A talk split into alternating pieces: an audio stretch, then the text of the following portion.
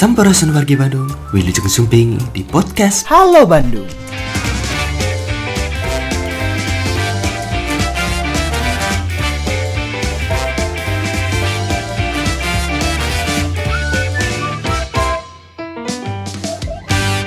Saya ingin menyampaikan kita sudah melakukan rapim dengan Pasekda. Kita lanjutkan dengan berbagai informasi yang sedang dipersiapkan oleh Dinas Pendidikan Kota Bandung, TEPAG, demikian juga dengan ACD. Nanti juga akan ditindaklanjuti rapat di pimpinan yang dipimpin oleh Pasekda. Perlu saya sampaikan kalau regulasi ada SKP 4 Menteri, kemudian Inmendagri 35, kemudian Perwal nomor 83. Hanya perlu saya uh, garis bawahi yang di Inmendagri 35 itu kalau kita baca secara teliti eh, diktum kelima kalau nggak salah ya itu di level 3 sudah diperbolehkan PTM dan atau PJJ. Jadi bisa PTM, bisa PJJ, tergantung situasi dan kondisi serta kebijakan dari pemerintah daerah masing-masing. Kemudian jika PTM maka prokes harus ketat. Nah itu di Inmendagri tertulisnya seperti itu. Artinya saya ingin menyampaikan bahwa di dalam Inmendagri 35 dengan Perwal 83 tidak tersurat secara eksplisit syarat siswa harus divaksin. Nah, itu perlu disampaikan ya.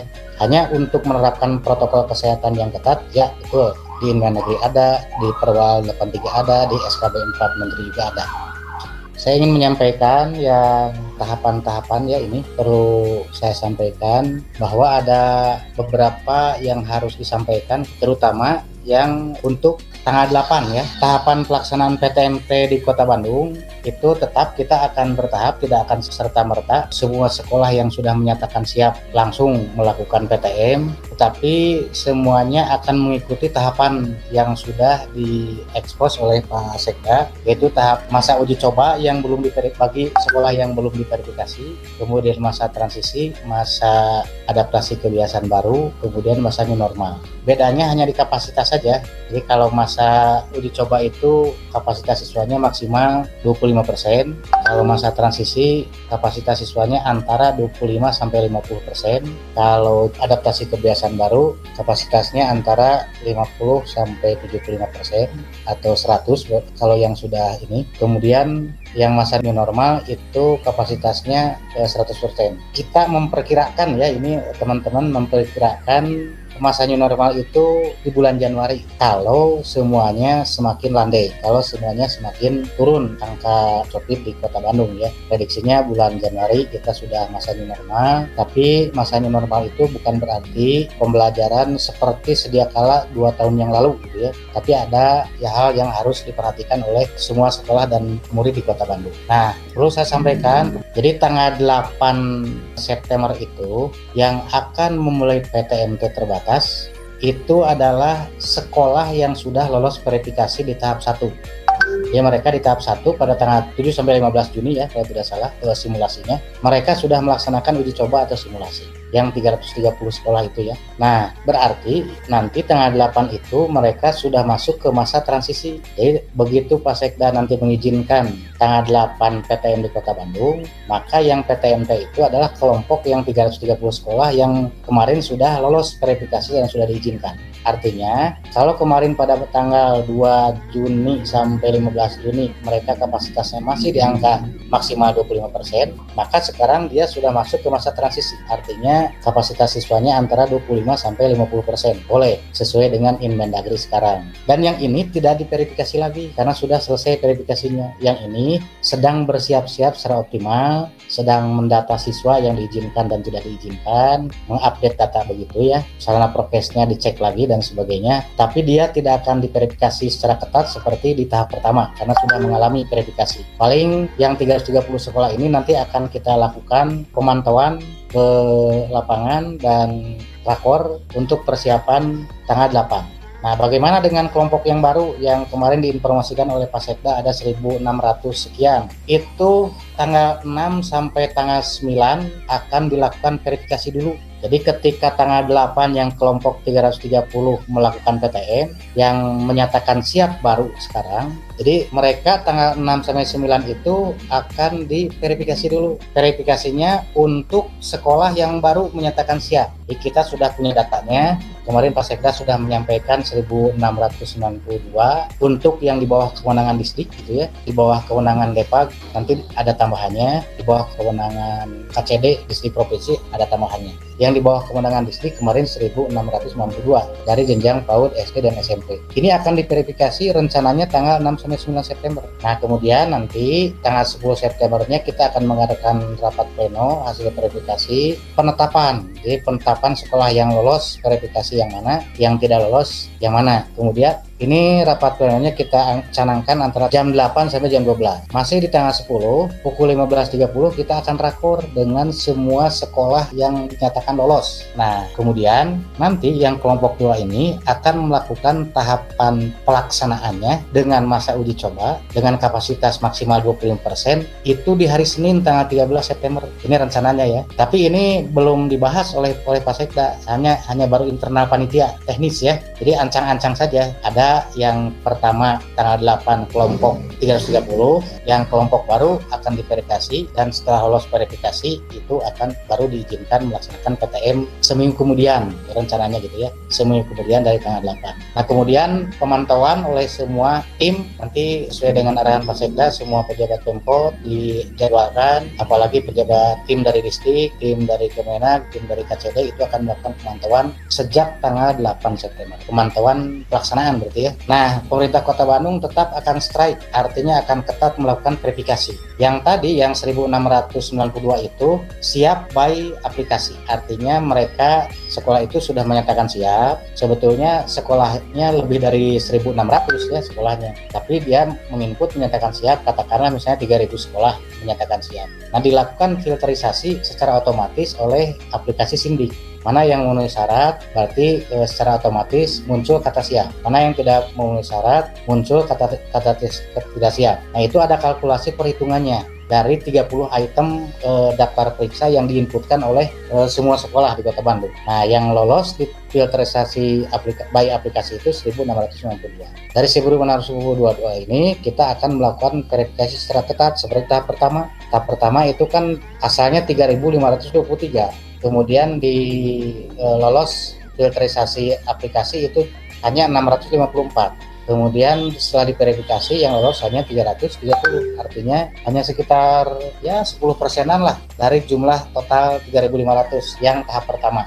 Nah, tidak menutup kemungkinan yang tahap kedua itu kita akan melakukan verifikasi secara ketat. Kenapa harus ketat? Kita penuh kehati-hatian, ketelitian, fokus. Kita akan strike, akan membina sekolah yang memang setelah verifikasi belum dinyatakan layak, kita akan bina, akan motivasi, akan bantu, fasilitasi supaya nanti pada saatnya dia siap. Yang lolos kita akan dorong untuk membuka PTM di tahap berikutnya. Data sebaran yang kemarin 330 sekolah itu tersebar di 30 kecamatan. Jadi ini belum diverifikasi dan akan diverifikasi di tiap kecamatan tersebar gitu ya dari sejumlah sekolah di bawah kewenangan Dinas Pendidikan Kota Bandung. Ini yang dari SMA dan Kemenak sudah mulai berdatangan. Nanti insya Allah akan dikomunikasikan kembali setelah lengkap datanya ya. Ada yang SMA, SMK, SLB, kemudian juga ada Radiatul Atfal, ada MI, ada MTS, ada MA gitu ya. Jadi kalau dijumlahkan jadi yang menyatakan siap by aplikasi itu kurang lebih 80% lebih gitu ya.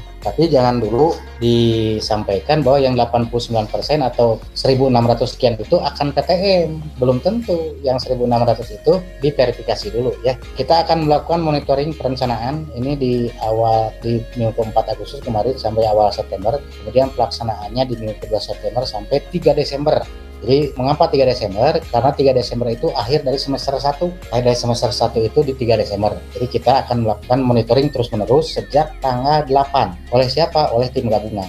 Ada aparat wilayahan, ada dinas kesehatan, ada Kemenak, ada KCD, ada di kota Bandung gitu ya. Semuanya akan simultan melakukan uh, monitoring. Jika pada saat monitoring pelaksanaan ternyata ditemukan ada sekolah yang melakukan pelanggaran, atau AB dalam menetapkan protokol kesehatan, maka publik boleh menginformasikan pengaduan. Nanti kita akan buka kanal pengaduan dan kita akan melakukan tidak ke sekolah. Kalau toh betul pelanggarannya tidak bisa ditolerir, kemudian AB terhadap protokol kesehatan, maka kita akan laporkan kepada Ketua Satgas Kecamatan yang diketahui oleh Pak Camat. Dengan laporan tersebut, maka Pak Camat nanti akan mengkaji apakah sekolah itu harus ditutup PTM-nya dihentikan dulu, kemudian dibina atau seperti apa. Yang berwenang menutup sekolah tersebut adalah Pak Camat sebagai Ketua Satgas. Kita menyampaikan laporan, menerima laporan dari publik gitu ya. Kalaupun misalnya ada teman-teman wartawan, ada masyarakat, ada orang tua yang menemukan di sebuah sekolah AB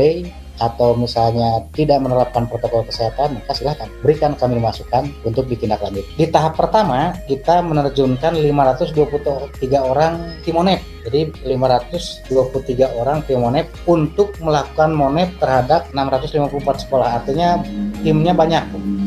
Nah sekarang pun sama kalau misalnya jumlah sekolahnya ada seribu, maka angka tim yang akan memverifikasi ke lapangan itu e, mendekati angka seribu atau bahkan sama dengan seribu. Untuk apa? Supaya matanya banyak, objektif, gitu ya, tidak hanya seorang, jadi saling diskusi kemudian nanti mempertimbangkan berdasarkan daftar instrumen yang dipegang oleh masing-masing tim monet kemudian nanti akan dirapatkan dipimpin oleh Pak Camat sebagai ketua satgas nah kita sudah melakukan sosialisasi kembali kepada seluruh sekolah tentang updating Dapodik dan Simdik. Yang dimaksud dengan update Simdik itu, teman-teman sekolah mengupdate keberadaan sarana prasarana yang tertuang di dalam item-item yang ada 30 item kalau nggak salah. Ya 30 item itu di diupdate berikut mengupdate kenyataan di lapangannya. Jadi contoh misalnya ketika sekolah mengupdate jumlah termogan yang tahap ke satu tidak lolos baru punya satu termogan misalnya. Syaratnya harus tiga. Nah sekarang mengupdate apakah sudah berapa? Dia memiliki tiga maka cek tiga gitu ya. Nah, dan itu dikalkulasikan secara otomatis oleh Sindik lanjut kita sosialisasikan lagi kepada teman-teman sekolah semuanya terkait dengan strategi tahapan PTMT yang kedua.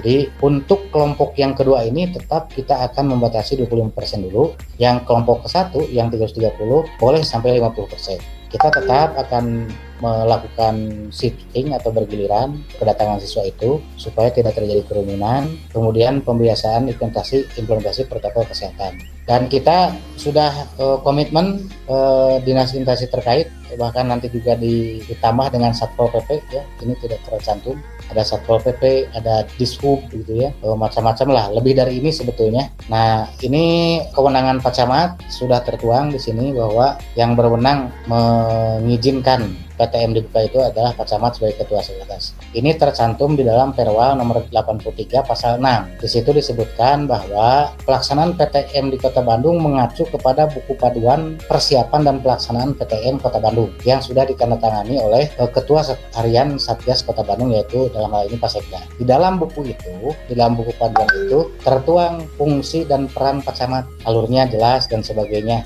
Nah, demikian juga fungsi-fungsi kepala sekolah, guru, eh, dinas pendidikan, macam-macam termasuk eh, SKPD di Kota Bandung. Artinya PTM ini tidak berdiri sendiri, tidak hanya oleh distrik Kota Bandung, tetapi ini menjadi tanggung jawab bersama karena sangat krusial karena menyangkut nyawa dan keselamatan bagi warga sekolah dan warga Kota Bandung maka kita akan bersama-sama mengawal PTM ini. Langkah dan tahapan hasil monet tadi setelah tanggal 6 sampai tanggal 9 dilakukan monet verifikasi ke lapangan kemudian refleksi diskusi dan rapat pleno kemudian menetapkan rekomendasi dan perizinan dari Satgas Copit Kecamatan, kemudian menyampaikan laporan, kemudian memotivasi kepada sekolah yang sudah layak dan belum layak, memberikan arahan. Tentu akan diadakan briefing dulu, rakor dulu dengan sekolah yang sudah lolos sebelum mereka melakukan PTM gitu ya, kemudian laporan kepada pimpinan. Terakhir catatan, ini hasil catatan dengan Rafim kemarin, artinya perlu dijelaskan kembali ini bahwa terkait dengan PTM, kewenangan PTM itu ada di Ketua Satgas atau Ketua Gugus ya dalam hal ini dipimpin oleh Pak Wali Kota, Ketua Hariannya Pak Sekda, tidak melihat kewenangan pengelolaan satuan pendidikan. Kan kalau melihat kewenangan pengelolaan satuan pendidikan itu SMA oleh distrik provinsi gitu ya, SD, SMP oleh distrik kota. Tapi kalau berkaitan dengan PTM itu basisnya teritorial atau kewilayahan. Artinya SD, SMP, SMA dan seterusnya Kemenag itu mengacunya kepada kebijakan di pemerintah Kota Bandung. Tentu saja perlu disampaikan bahwa orang tua diberikan kebebasan untuk mengizinkan atau tidak mengizinkan anaknya melaksanakan PTM dan jangan khawatir ketika anaknya tidak diizinkan PTM karena misalnya masih khawatir ya situasinya begini dan sebagainya insya Allah sekolah di kota Bandung siap melayani dua moda siap melayani PTM, siap melayani yang PJJ kembali gitu ya. Selanjutnya perlu juga disampaikan bahwa mereka sekolah yang dinyatakan siap itu setidak-tidaknya sudah menuntaskan empat komponen utama. Yang pertama, sekolah itu harus sudah punya satgas, program kerjanya dan uraian tugasnya serta skedulnya seperti apa. Satgas PTM atau COPI di sekolah. Kemudian yang kedua, sekolah tersebut sudah membuat desain kurikulum khusus untuk uh, dua moda yaitu PTM dan PJJ. Yang ketiga, sudah mengkampanyekan atau mempromosikan apa yang harus dilakukan oleh orang tua siswa, apa yang harus dilakukan oleh siswa ketika mereka di, uh, diizinkan di uh, PTM di sekolah. Uh, kampanye protokol kesehatan itu sudah dilakukan secara masif. Kemudian yang lebih utama lagi sudah menyiapkan berbagai alat dan perlengkapan penunjang protokol kesehatan di sekolah.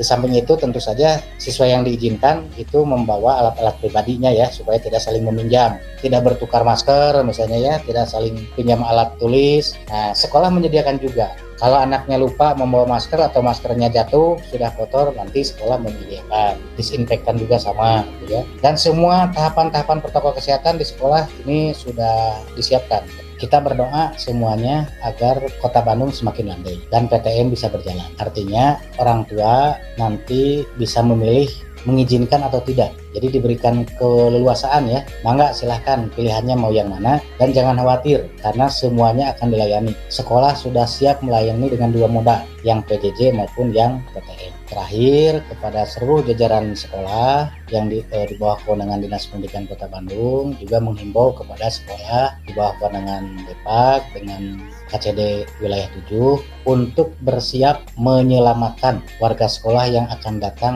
ke sekolah Bapak Ibu dengan standar prokes yang baik, yang ketat, dengan menerapkan protokol protapnya yang benar, dengan mengamankan alat-alat dan perlengkapan prokesnya, dengan menyiapkan desain kurikulumnya, dengan menjaga kesehatan seluruh warga. Itu saja. Terima kasih. Assalamualaikum warahmatullahi wabarakatuh.